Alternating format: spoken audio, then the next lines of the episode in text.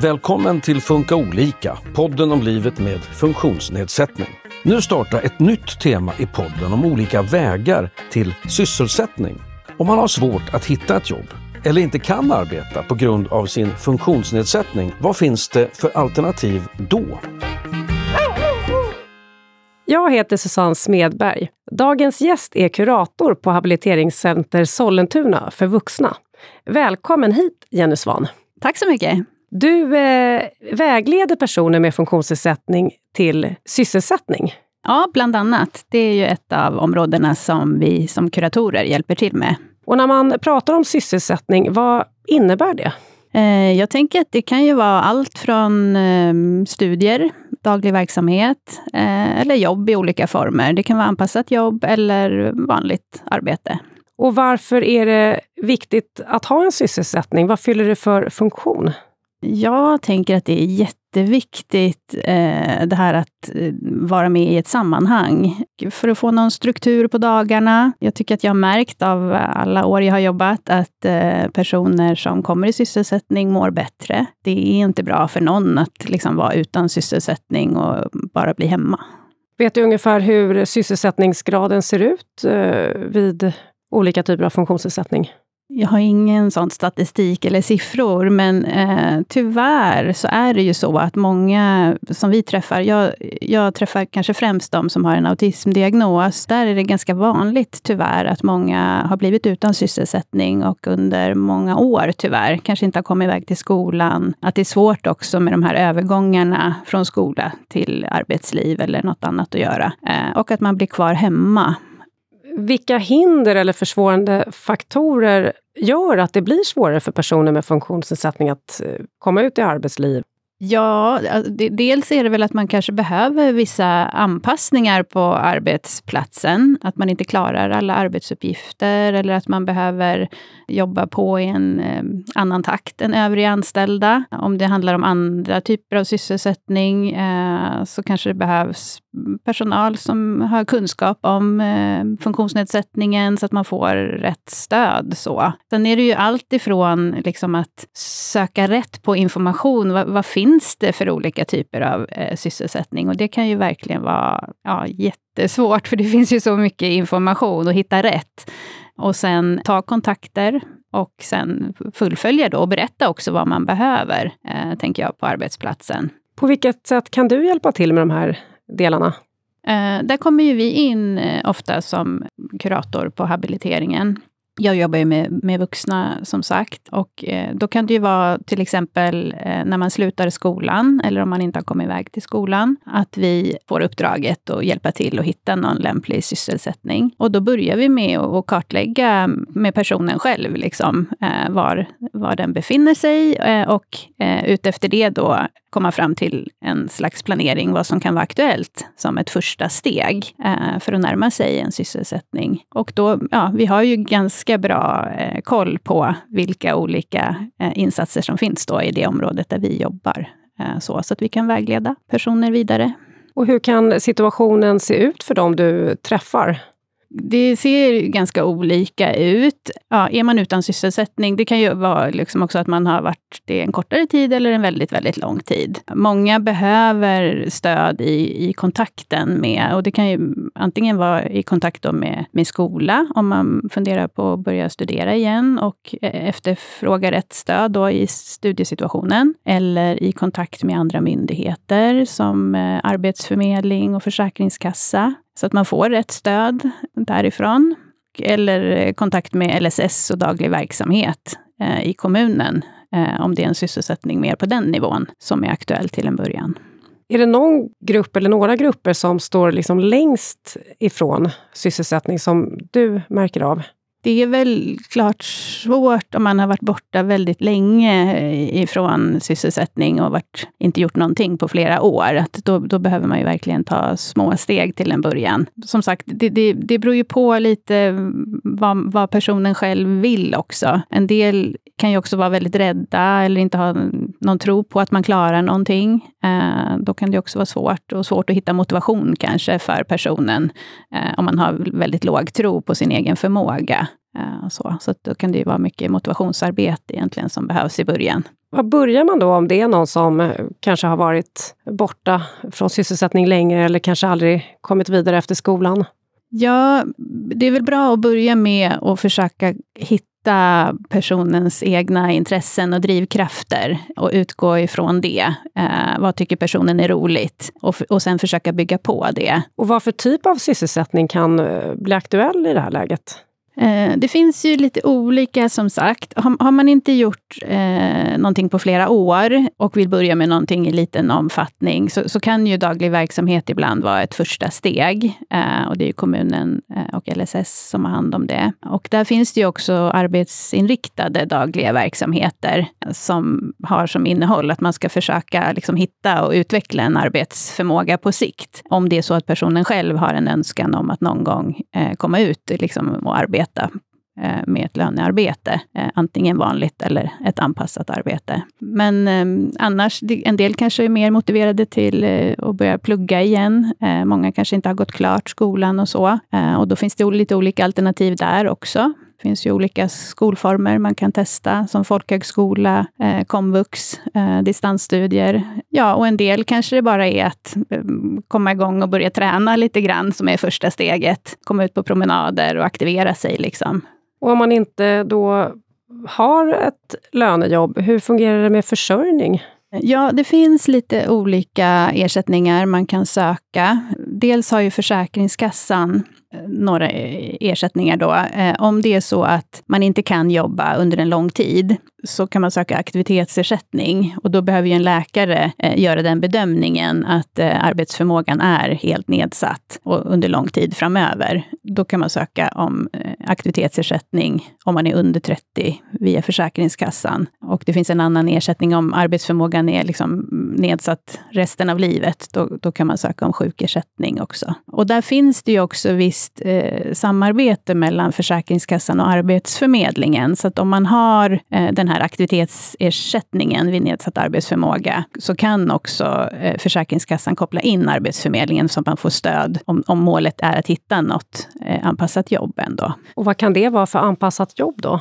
Ja, när det gäller Arbetsförmedlingen och det stöd de kan ge och anpassat jobb, då är det ju ett arbete liksom på, på arbetsmarknaden, men som kanske stöttas eh, från Arbetsförmedlingen med lönebidrag. Eller, och det, det, finns ju också anpassade anställningar på Samhall och så. Men, men anpassningar på en arbetsplats, det kan ju innebära eh, just det att man eh, berättar från arbetsgivaren, eh, för arbetsgivaren redan från början då, att det finns vissa saker som kanske är svåra och då får arbetsgivaren ta extra hänsyn till det. Eh, och det kan ju vara att man behöver kanske jobba på i någon eh, långsammare takt kontrakt eller ha veckovis avstämning med någon arbetsledare. Eller, eh, så att man skriver en plan med, med arbetsgivaren eh, kring olika anpassningar och sen får då arbetsgivaren ett eh, ekonomiskt bidrag för att de liksom gör de här anpassningarna.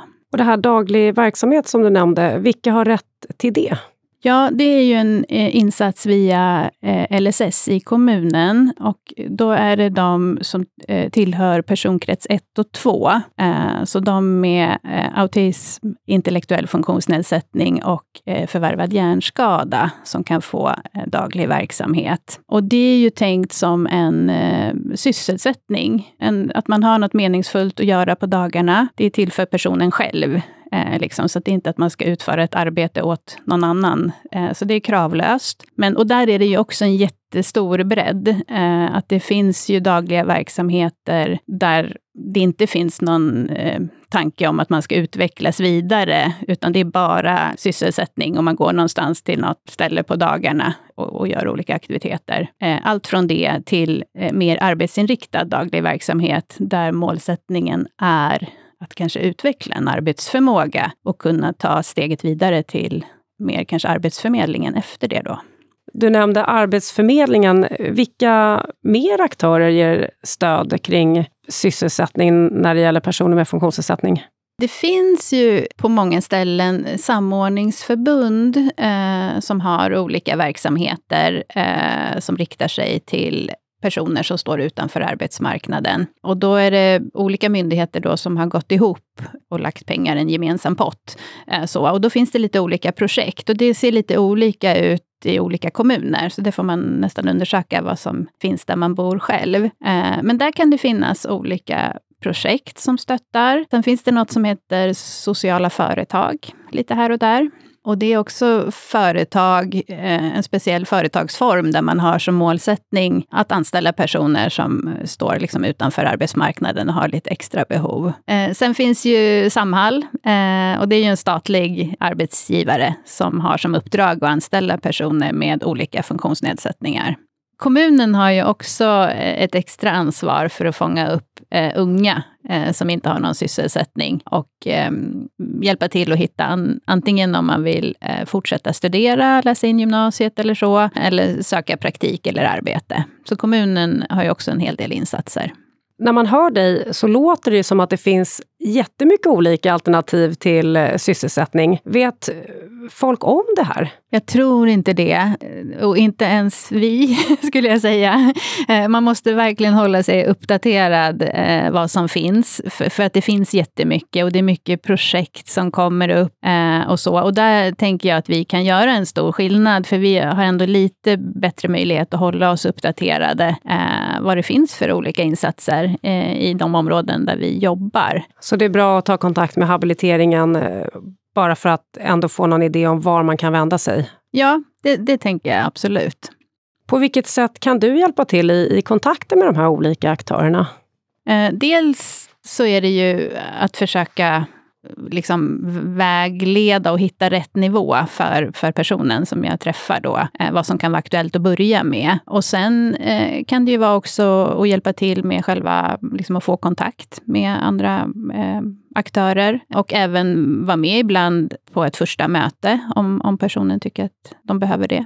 Eh, så stöd i kontakten, liksom. allt ifrån att, att ringa och skriva och, och följa med på möten beroende på vilket behov personen har. Då. Hur bra är skolan på att förbereda elever med funktionsnedsättning till arbete eller vidare studier? Jag tror det varierar väldigt mycket.